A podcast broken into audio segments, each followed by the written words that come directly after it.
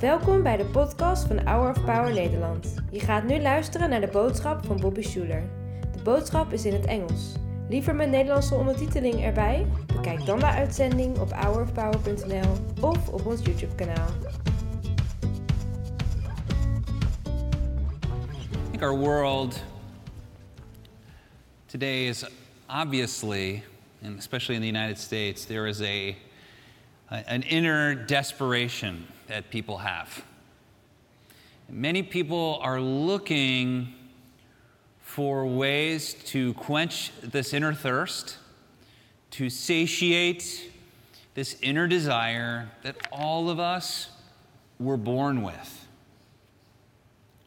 Within every man and woman, and I think even the older we get, the deeper an inner chasm is that can only be filled with God's Holy Spirit.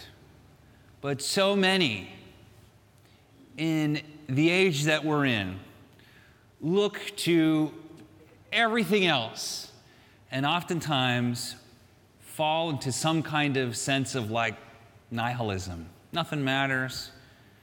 Or people chronically need like a, like a movement. So weirdly, people will try and ascribe to politics or something even good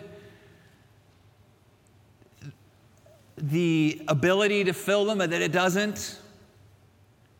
People here in Irvine, which is an amazing city, have amazing careers and achievements, and so often come home every night thinking about quitting their jobs because even though they reach the pinnacle of success, something is wrong.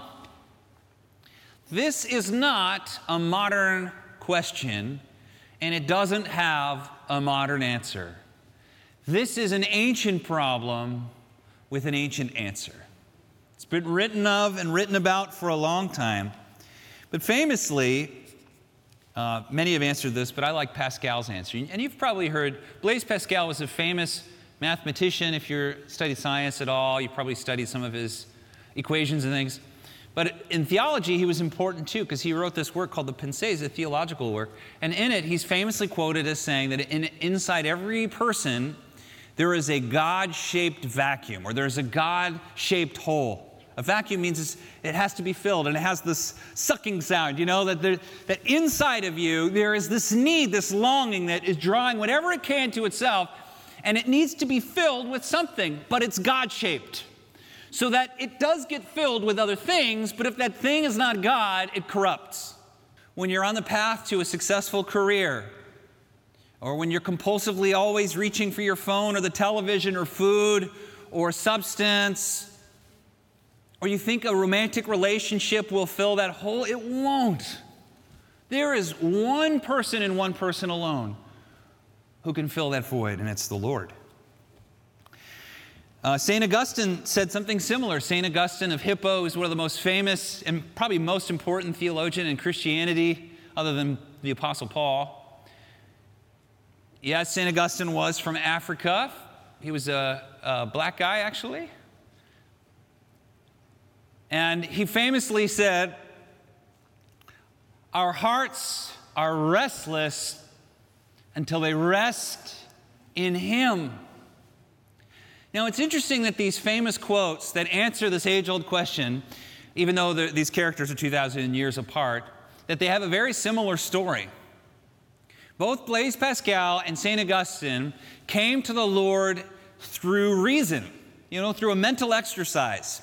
Blaise Pascal's reasoning is famously called the Pascal's wager. I actually think it's bad reasoning, it's bad logic, but God can use log- bad logic or whatever to. It worked, whatever.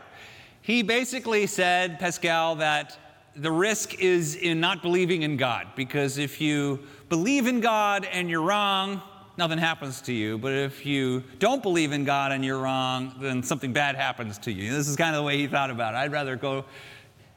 And for both of them, the beginning of their conversion journey for both St. Augustine and Pascal was that they came to God through thinking. And it wasn't enough.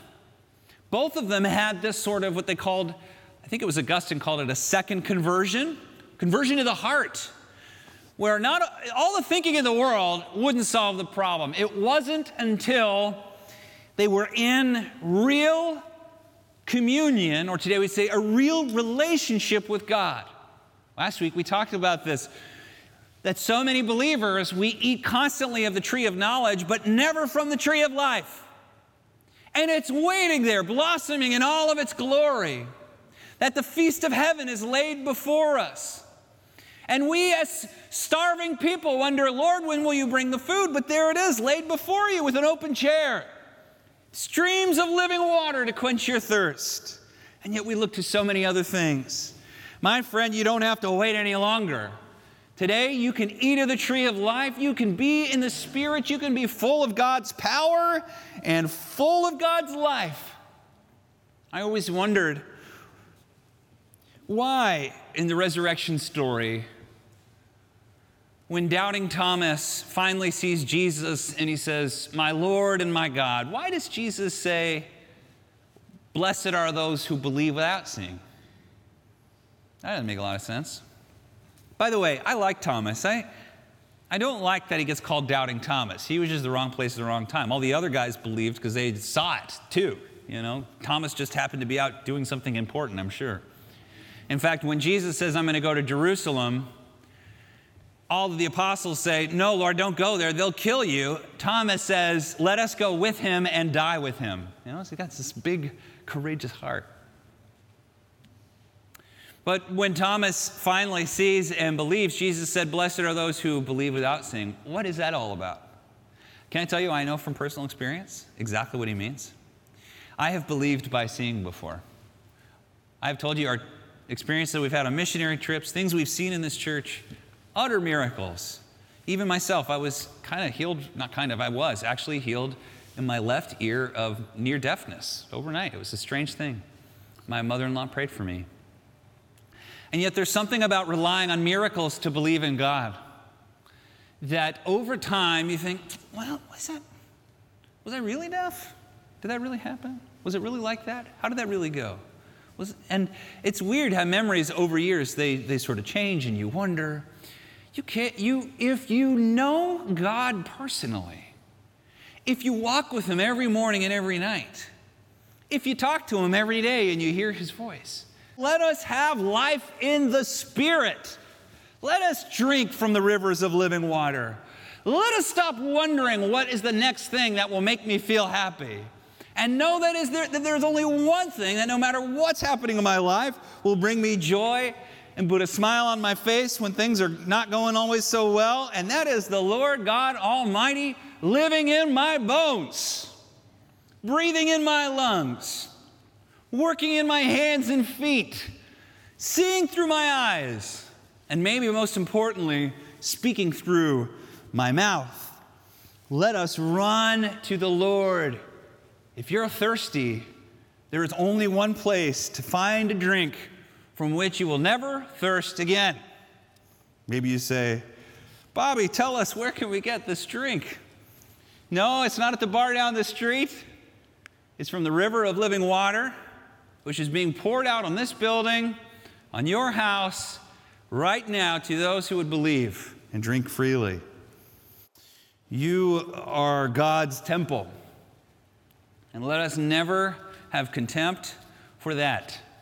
That you were made, made as, as a thing that holds the life of God, the very life of God. And if that life, if you were made into a temple, and the Spirit has left the house. You're no longer a temple, you're a tomb. So may we open up our lives and our bodies to the Holy Spirit of God, that people would see and feel Jesus Christ wherever we are. Try to get your mind into the body of a first century Jew. This temple in their view and in truth, was an amazing place. They never called it the temple, they called it the house. Everybody say the house. The word in Hebrew was bait, the bait, the house of the Lord. And it was here in that little room in the middle that you could say to your kids, if you're in a pickle, let's go see God. We know where He is. He's in Jerusalem, in His, in His house, the temple. He's there. He's there in the Holy of Holies behind those beautiful doors, and He's there. And if maybe we yell loud enough, He'll hear us. And we can go there. And so the idea was that God's literally there, like He's there. Like He's just like, hey, let's go to heaven and talk to God real quick and come back. It was very similar for them. And here where many miracles happen. And to think that anytime you're in a pickle, you can say, let's go to the temple. I need atonement for my sin. I need help with my problem.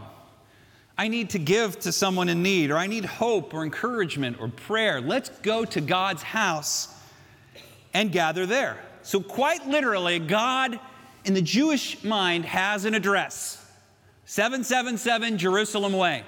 We know that's where you go and you will find God. And there is the scripture. So, imagine the temple full of people the Bible says at 9 a.m. Now, that, there's a reason they tell you at 9 a.m. 9 a.m. is when the scripture reading happens in the temple for Shavuot. And 9 a.m., you would have a priest who would get up and he would read four scriptures. One of the scriptures that he would read is from the chapter of Ezekiel. Can I read it to you? Okay, this is, this is just at 9 a.m. in the temple. He would read from Ezekiel, from the Old Testament. I looked and lo, a stormy wind came sweeping out of the sky. A huge cloud and a flashing fire filled the courts.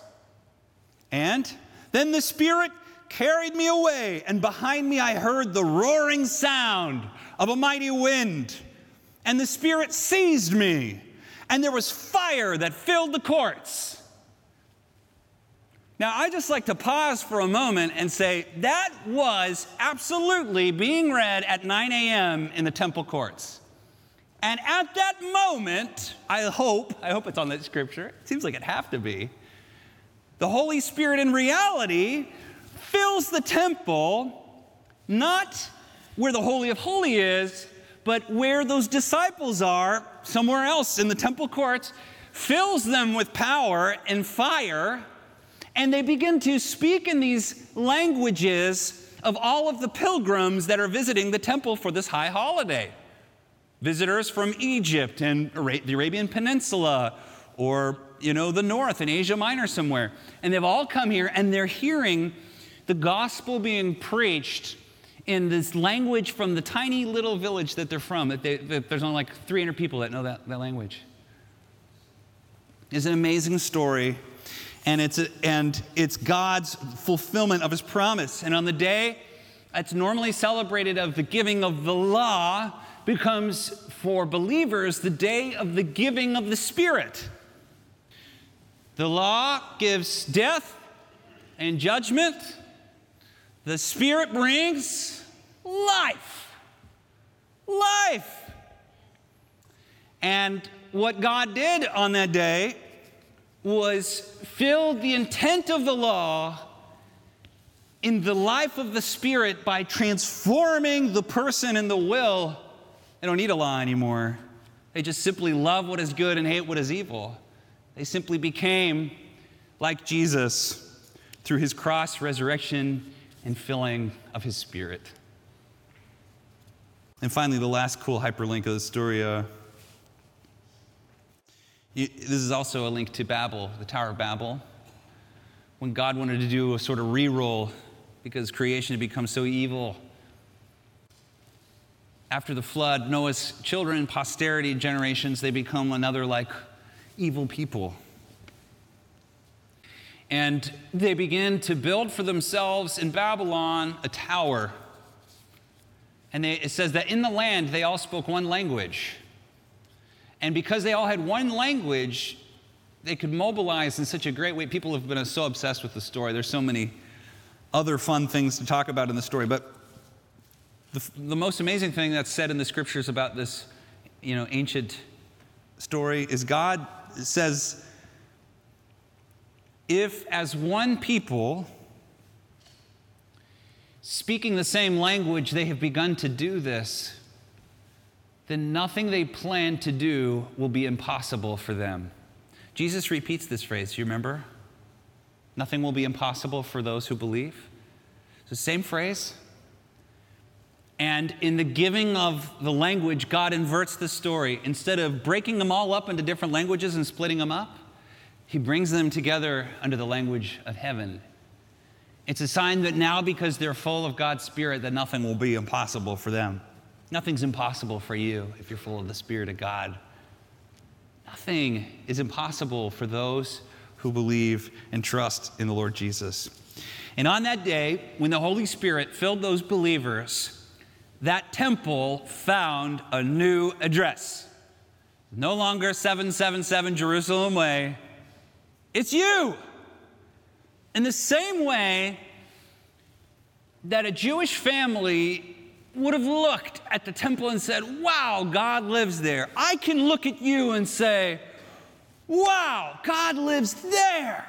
He's right there in that person who believes in Christ crucified and raised from the dead. When you were baptized and trusted your life to Christ, you made a covenant that He would live in you forever. But you also, in a way, ascribed yourself to understanding that if the Spirit leaves this place, it's not good. When a temple loses the Spirit, it no longer remains a temple anymore. It becomes a tomb, a sarcophagus, a mausoleum, a crypt. It's a beautiful building. On the outside, it looks great, but on the inside, it's dead and cold. Maybe you say, I'm a Christian. I feel, I look good on the outside, I feel dead on the inside. My friend, eat of the tree of life. It's in season. Here in California, when strawberries are in season, you buy strawberries. They're amazing. And they're cheap. Tree of life is free to anyone who would eat from it. You're not going to find it anything else. If you're a temple, you need the Spirit. You need the Spirit inside of you. So come boldly before the throne of God. And if you haven't become a Christian, repent. Make a decision today. Why wouldn't you? Make a decision to commit your life to God today. You'll never be the same. I had a friend once that said, What does it mean to live in the Spirit, to have the Spirit? Well, so much of it, you know, if you feel empty and tired, maybe you feel exhausted, I understand. Life is hard. We go through disappointments and challenges and betrayals and hard luck, health problems, money problems, things we didn't plan on, things there's no way we could have been prepared for. You get enough of this in your life, you tend to feel a little tired sometimes. Some of you even have children. That's also hard. And in life, you don't always feel the spirit on the inside. And God's not about feelings. You don't need, but sometimes you really would like a nice feeling, you know? Can I just tell you, the Lord gave me this revelation when I was talking to my friend who asked this question. When you're baptized, it's sort of like God puts a pilot light inside of you. You know what a pilot light is? It's in your fireplace, or some of you have it in your stove. It's a little blue, almost invisible light. You almost need a light to see the light, you almost need a flashlight to find it. It's a little blue flame that never goes out, hopefully. It's not supposed to anyway. Just in this analogy, it doesn't, okay? never goes out. It's always there. It doesn't give any light hardly at all. It doesn't give any heat at all, but it's always there. All it's waiting for is for you to just turn the gas on.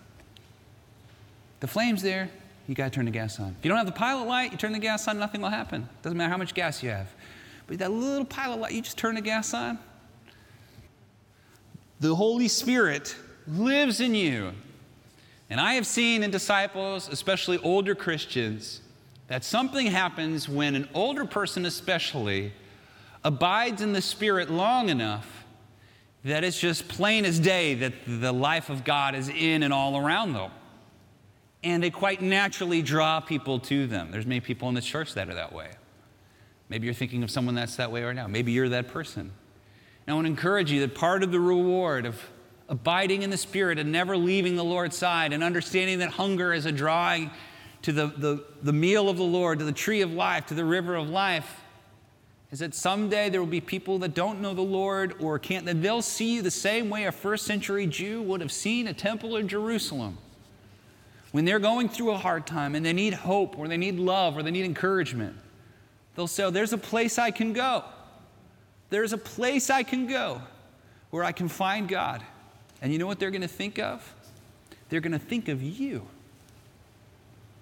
So let us all pray that the fulfillment of God's promise, that we would be a temple of the Holy Spirit, would be made true in you. Lord knows a hurting world needs someone like you, full of the Spirit, and you are. So, Father, we ask you in the name of Jesus to fill us with your Spirit which provides in abundance to those around it a common grace of love and joy and peace and patience and all sorts of good things that are made available to a hurting, hungry, and thirsty world. With all that's going on in this world, Father, we know that you've got the whole world in your hands. We don't have to worry today. Lord, help us to love our neighbor. That's all you ask of us. And to love you with all our heart and all our soul and all our strength. And we ask this in the strong name of Jesus. Amen. And now the Lord bless you and keep you. The Lord make his face to shine upon you and be gracious unto you. The Lord lift his countenance upon you and give you his peace. In the name of the Father, and of the Son, and of the Holy Spirit. Amen.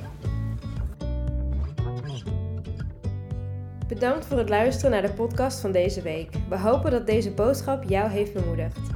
Wil je meer weten over Hour of Power of dagelijkse bemoedigingen ontvangen? Ga dan naar www.hourofpower.nl.